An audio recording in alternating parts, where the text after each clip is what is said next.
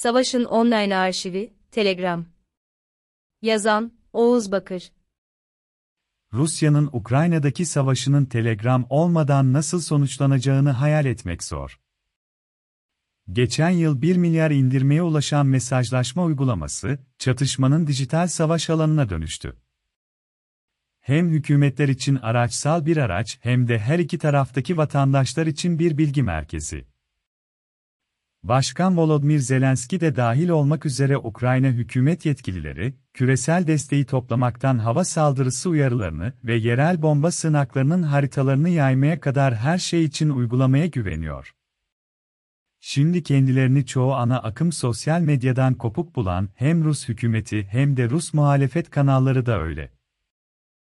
Savaşlar daha önce sosyal medyada ortaya çıktı, ancak nadiren Rusya'nın Ukrayna'yı işgalinde olduğu kadar titizlikle belgelendi ve Telegram, dünyaya savaşın filtrelenmemiş bir görünümünü sunan en önemli sosyal medya platformu olarak ortaya çıktı. Uygulama, 3 milyondan fazla Ukraynalı mültecinin göçünde, onları güvenli rotalara ve yardıma bağlayarak önemli bir rol oynadı. Ülke dışındaki milyonlarca Ukraynalı, tanıdık yerler veya yüzler için umutsuzca sonsuz fotoğraf ve video beslemelerini tarayarak evden haberler bulmak için kullanıyor. Hirus askerlerinin aile üyeleri de öyle. Nereden nereye? Telegram'ın gücü ve tehlikesi, gözetim eksikliğinin ürünüdür. 2013 yılında Rus kardeşler Nikolay ve Pavel Durov tarafından kurulan mesajlaşma uygulaması, kısa sürede IŞİD gibi aşırılık yanlıları için bir sınak olarak ünlendi. Kullanıcılara neyin gösterileceğine veya neyin kısıtlanacağına karar veren bir algoritma yoktur ve mimarisi sınırsız gruplara izin verir. Yorumlar kolayca kapatılır, kanalları milyonlarca takipçiden oluşan tutsak bir kitleye bilgi veren bir megafona dönüştürür. Tek bir tıklamayla, yerleşik bir düğme, mesajları Rusçadan İngilizceye veya diğer dillere çevirerek onu bir kitle iletişim aracına dönüştürebilir. Bu yaşananlar, Telegram'ı propaganda savaşının kalbine dönüştürdü ve Ukrayna direnişi veya kahramanlık hikayelerinin Rus dezenformasyonuyla yan yana yayılmasına izin verdi. Şimdi, Ukraynalı sivillere yönelik giderek artan acımasız saldırılar ve Rusya'da yanlış bilgilere yönelik umutsuz bir baskının ortasında her iki tarafta Telegram savaşına hükmetmek için yarışıyor. Yabancı olunmayan ve hatırlanan uygulama. Zelenski'nin ekibi Telegram'a yabancı değil. Danışmanları, 2019 başkanlık kampanyası sırasında erken erişim sağlayan kişilerdi. Uygulamayı gönüllüleri işe almak ve organize etmek için kullandılar ve genellikle özel haberler yayınladılar.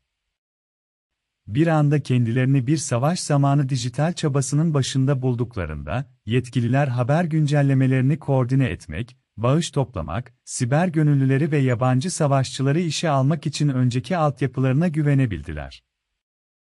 Ukrayna Dijital Dönüşüm Bakanı Mikhailo Fedorov, 12 Mart'ta TMEA verdiği demeçte, bunun bizim evimiz olduğunu bile söyleyebilirim.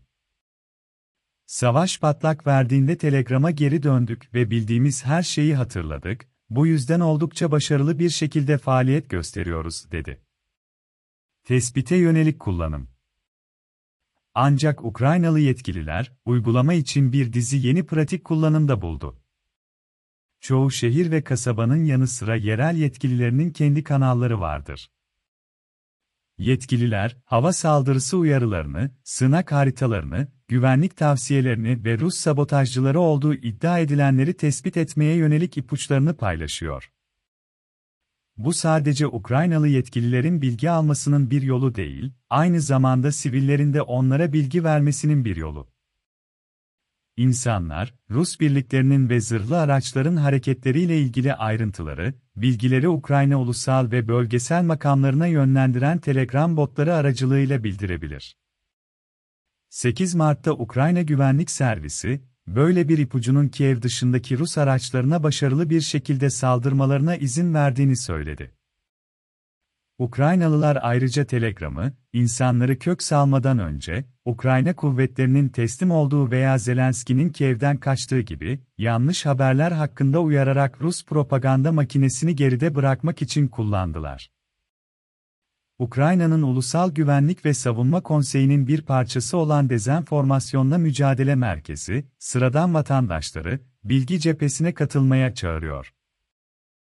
Yetkililer, 27 Şubat'ta Telegram'da, savunucularımız işgalcilerin saldırısını püskürtürken, Rus bilgi teröristleri alternatif bir gerçekliğin resmini yayınlıyor, dedi.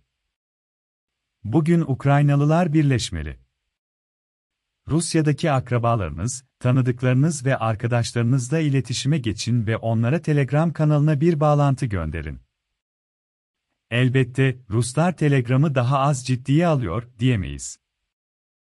Telegram Rusya'da uzun süredir popüler olsa da işgal ve ardından gelen medya baskıları, milyonlarca habere aç kullanıcıyı hizmete yönlendirdi.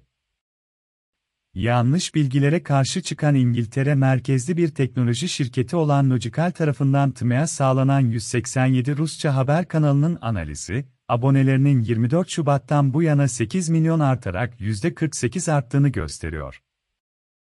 Kaç Rus'un Telegram'daki savaş hakkında bağımsız haberler aradığını ve kaçının Facebook ve Twitter yasağının ardından uygulamaya geçiş yaptıktan sonra Rus yanlısı propagandayı takip ettiğini söylemek zor. Uygulama birçok Rus muhalefet grubu tarafından kullanılıyor ve 2020'de Putin müttefiki Alexander Lukashenko'ya karşı Beyaz Rusya protestolarının organizasyonu için kritikti, ancak Rus hükümetinin bunu yasaklamak için tekrar harekete geçmesi pek olası görünmüyor. Zira daha önce denedi ve başarısız oldu. 7-24 yayın Ukrayna hükümeti, son iki yıldır pandemi ile ilgili haberleri paylaşmak için kullanılan resmi COVID-19 Telegram kanalını savaş hakkında 7-24 güncellemeler sağlamak için yeniden tasarladı. Ukraynenov olarak yeniden adlandırılan kanalın şimdi Ukraynaca, Rusça ve İngilizce kanallarında 3 milyondan fazla takipçisi var.